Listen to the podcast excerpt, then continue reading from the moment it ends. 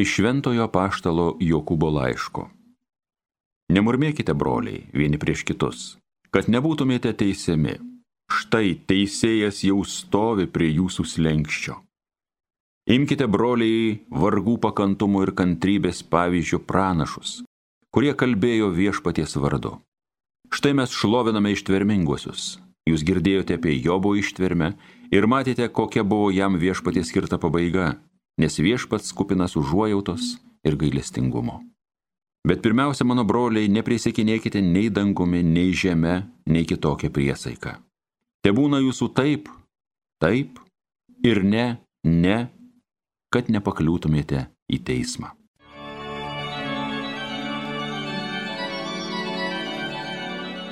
Viešpats švelnus maloningas. Tegu mano siela viešpati šlovina ir visa, kas yra manyje, te pagarbina jo šventąjį vardą. Lai mano siela viešpati šlovina, lai neužmiršta, kiek jis man gero padarė. Viešpats švelnus maloningas. Jis man visas kaltes dovanoja, gydo mano silpnybės, nuo pražūties gelbi mano gyvybę, gaili manęs ir puošia mane savo malonę. Viešpats švelnus maloningas.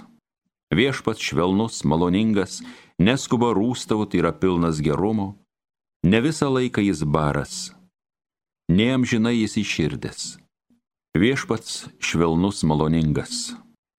Kaip nepasiekiamai aukštas dangus viršum žemės, taip yra didis jo gailestingumas tiems, kurie jo šventai bijo. Kaip nuo rytų tolimi vakarai, taip toli kaltės mūsų nusviedžia.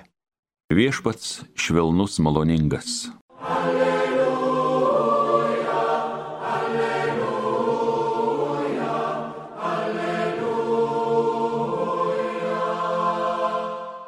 Tavo viešpatie žodis yra tiesa, pašventink mus tiesa. Alleluja,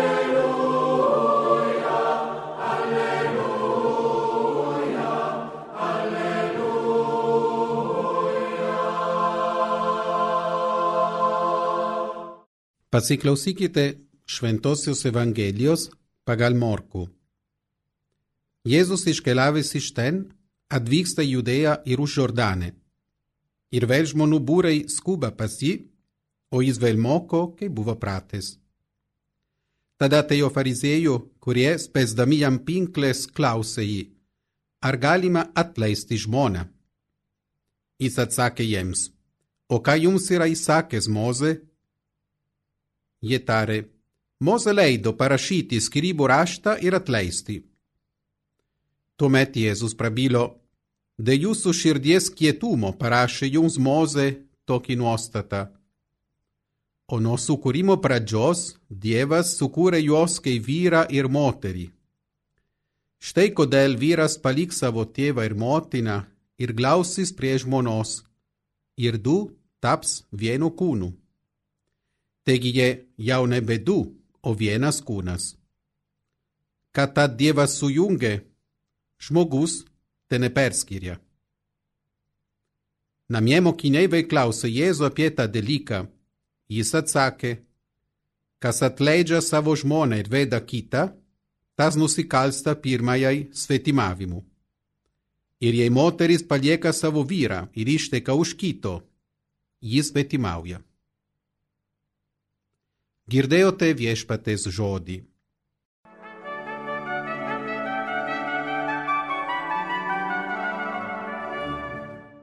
Brangus Marijos radijos klausytojai, šiandien Evangelijoje kalbame apie vieno iš esminių santuokos elementų, tai yra, kad pagal Dievo planą santoka yra neišardoma. Apie tai Jėzus aiškiai kalba, apie tai katalikų bažnyčia iki šiol laiko aiškiai poziciją. Jėzus laikais vyras galėjo atleisti savo žmoną pagal Mozės įstatymą užtekdavo, kad jis parašytų skirybų raštą su savo skunda ir duotų žmonai į rankas. Tais laikais žmona neturėjo tą pačią teisę, kadangi juridiškai ir faktiškai nebuvo lygybė tarp vyro ir moters.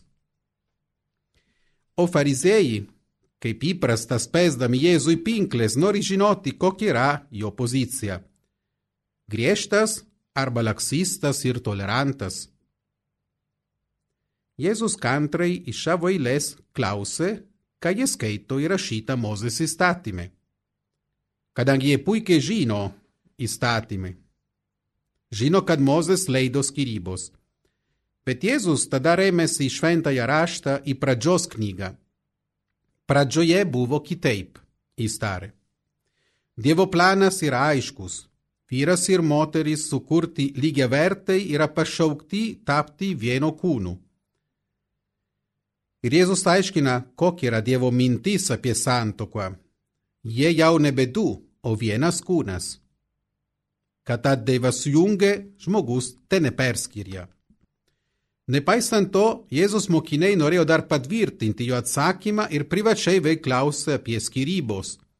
O Jėzus patvirtino, kitais žodžiais, kas kas atleidžia savo žmoną ir veda kitą, tas nusikalsta pirmajai svetimavimu.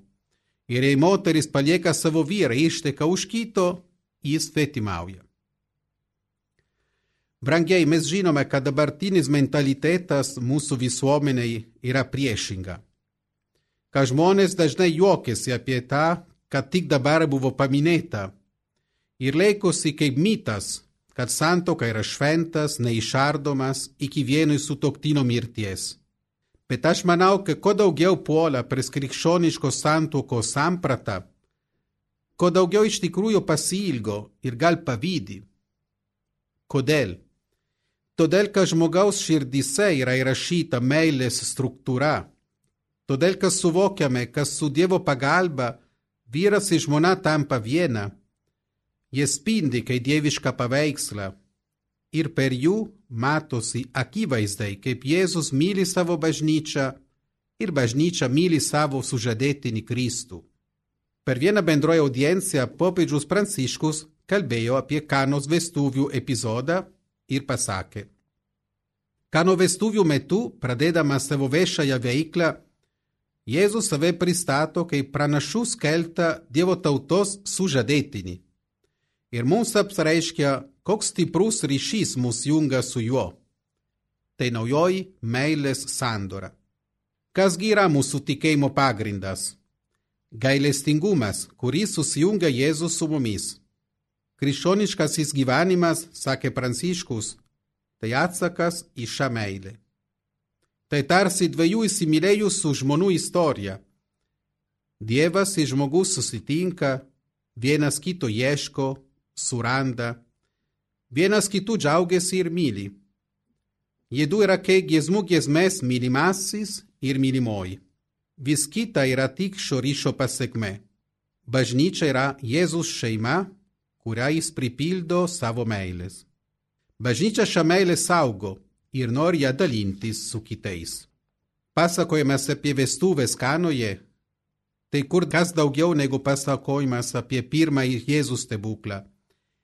Tai tarsi brangenybų dėžutė, kurioje Jėzus saugo savo asmens paslapti ir savo ateimo tikslą. Lautasis sužadėtinis pradeda švesti vestuves, kurio viršūnė bus Velykų slėpinis. Šiose vestuvėse Jėzus savo mokinius susieja su savimi, nauja ir galutinė sandora. Kanoje mokiniai tampa Jėzus šeima ir gimsta bažnyčios tikėjimas. Į šias vestuves visi esame kviečiami, nes naujas vynas niekada nesibaigs. Brangos Marijos radijos klausytojai, šiandien melskimės už visas šeimas, kurie priėmė santukos sakramentą prašykime ištikimybės, meilės ir neišardomumo laikymo dovanas. Prašykime, kad Dievas jos saugo ir pastiprintų, ir kad palaimintų sužadėtinių kelią, ir kad visa bažnyčia taptų diena po dienos tikra Jėzus šeima pagal Dievo planą, kuris atsiskleidžia pasaulyje. Amen.